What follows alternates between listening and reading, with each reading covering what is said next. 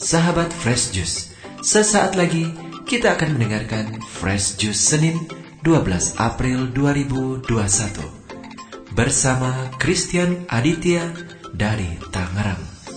Selamat mendengarkan.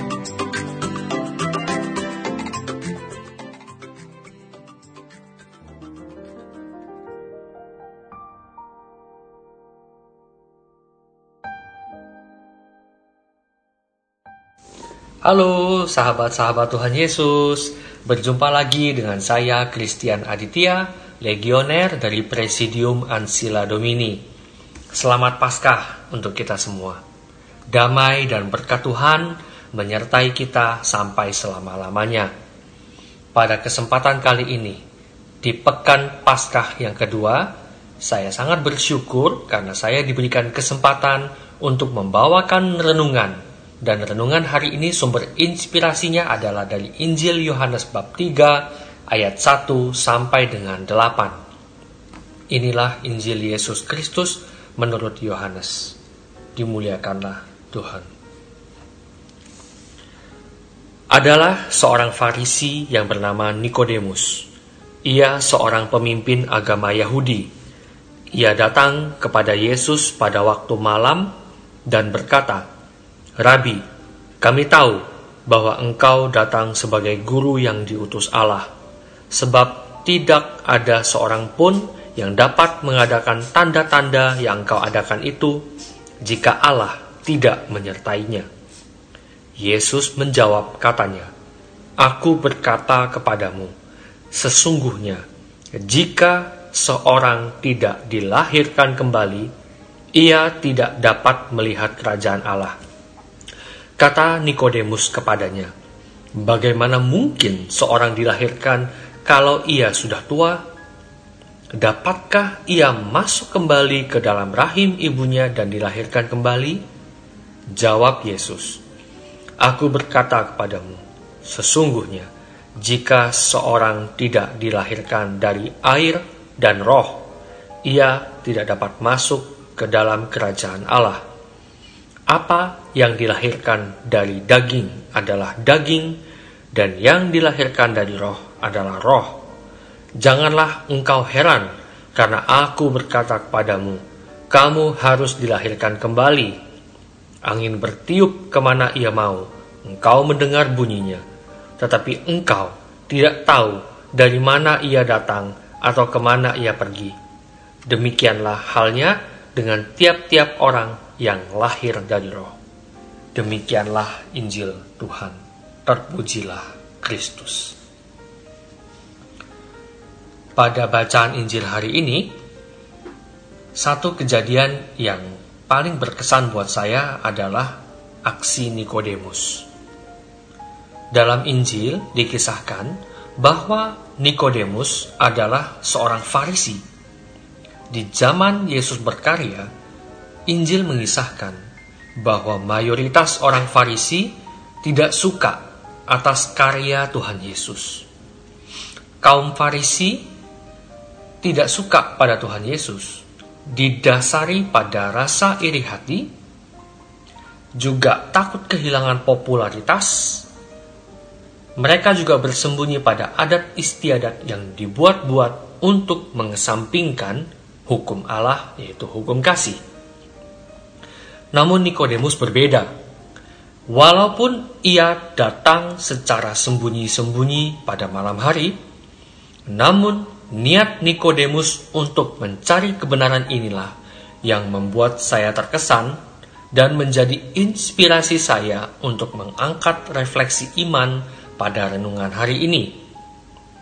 Nikodemus adalah seorang pemimpin agama orang Yahudi Melihat kubu-kubu yang terjadi di antara kaum Farisi dan Tuhan Yesus, idealnya, idealnya Nikodemus mendukung dan berada di kalangannya sendiri. Tapi tidak demikian. Maka saya melihat sikap berani berbeda daripada umumnya dari kelompok Farisi ini membuat saya terkesan kepada Nikodemus. Nikodemus berani bersikap dan tidak takut untuk tampil beda dari kaum Farisi pada umumnya. Bahkan pada saat orang Farisi membenci Tuhan Yesus karena kesaksian Tuhan Yesus mengenai air hidup, Nikodemuslah yang berani membela Tuhan Yesus. Katanya, Nikodemus seorang dari mereka yang dahulu telah datang kepadanya berkata kepada mereka, "Apakah hukum Taurat kita menghukum seseorang sebelum ia didengar dan sebelum orang mengetahui apa yang telah dibuatnya?" Injil Yohanes bab 7 ayat 50 sampai dengan 51. Nikodemus berani bersikap. Atas sikapnya ini, Nikodemus pun dikecam oleh kaum Farisi kelompoknya sendiri. Dan satu lagi yang membuat saya cukup terkesan dengan figur Nikodemus. Pada saat Yesus wafat di salib, Nikodemuslah yang hadir dalam penguburan Tuhan Yesus. Dikisahkan pula dalam Injil Yohanes. Juga Nikodemus datang ke situ. Dialah yang mula-mula datang pada waktu malam kepada Yesus ia membawa campuran minyak mur dengan minyak gaharu, kira-kira 50 kati beratnya. Injil Yohanes bab 19 ayat 39. Maka saya menarik satu refleksi iman dari Nikodemus. Hidup dalam roh dan kebenaran. Untuk bisa sampai ke tahap hidup dalam roh dan kebenaran Pertama-tama kita perlu dilahirkan kembali. Seperti apa yang diajarkan oleh Tuhan Yesus pada bacaan Injil hari ini. Tapi tidak secara harafiah kita masuk kepada rahim ibu kita. Bukan. Tapi yang Yesus maksud adalah kita memperbaharui diri. Lalu, bagaimana caranya kita untuk bisa dilahirkan kembali? jadilah rendah hati. Jadilah rendah hati sebagaimana Nikodemus menjadi rendah hati. Dia datang kepada Tuhan Yesus. Dia pemuka agama, kaum Farisi, di mana pada saat itu kaum Farisi membenci Tuhan Yesus. Tapi dia berbeda. Dia datang. Dia merendahkan dirinya dan mengizinkan Tuhan Yesus untuk bisa masuk dalam hidupnya. Nah, setelah membuka diri, mau merendahkan hati, mengajak Yesus masuk, baru kita bisa dilahirkan kembali sebagai manusia baru, dan hidup kita dituntun oleh Tuhan Yesus ke jalan yang benar. Maka hari ini Nikodemus telah menjadi contoh refleksi iman yang tegas tentang hidup baru dalam roh dan kebenaran. Bahkan, bahkan Nikodemus mengikuti Tuhan Yesus, mengikuti Tuhan Yesus sampai akhir misinya di kayu salib. Sahabat-sahabat Tuhan Yesus kalian, setiap tahunnya kita merayakan Paskah jika sudah merayakan Paskah, artinya kita sudah menang dari maut. Kita sudah dilahirkan kembali juga dalam pembaharuan janji baptis. Nah, maka relevansinya pada kehidupan kita. Biasanya sesudah mengucapkan janji baptis, kalau dulu Ekaristi belum seperti ini, maksudnya dalam masa pandemi, kita ada mendengar lagu pada saat kita diperciki dengan air baptis, air suci. Kira-kira uh, ada lagu judulnya Syukur kepadamu Tuhan. Nah, di lagu itu juga ada refleksi da, kepada diri saya sendiri dari penggalan lirik yang kira-kira bunyinya seperti ini. Kami hendak mengikuti jejak Yesus sang abdi mengamalkan cinta bakti di masyarakat kami. Syukur kepadamu Tuhan atas baptis yang mulia tanda rahmat dan iman. Ya, penggalan lagu itu cukup berkesan buat saya, khususnya ketika pembaharuan janji baptis. Mengikuti jejak Yesus untuk mengamalkan cinta bakti di masyarakat. Jadi nggak tinggal buat diri kita sendiri. Nah, namun pertanyaan refleksinya adalah, apakah di setiap perayaan Paskah dan pembaharuan janji baptis, kita sudah sungguh-sungguh dilahirkan kembali? Atau perayaan Paskah cuma jadi ritual formalitas setiap tahun dan pembaharuan janji baptis hanya latah atau ikut-ikutan. Refleksi saya dan Anda sekalian. Mari kita lihat diri kita juga. Apakah kita sudah ada progres perubahan dari waktu ke waktu? Berubah itu memang gak mudah. Berubah tuh nggak mudah, nggak enak, tapi berubah tuh harus untuk mengarah pada perbaikan yang lebih baik.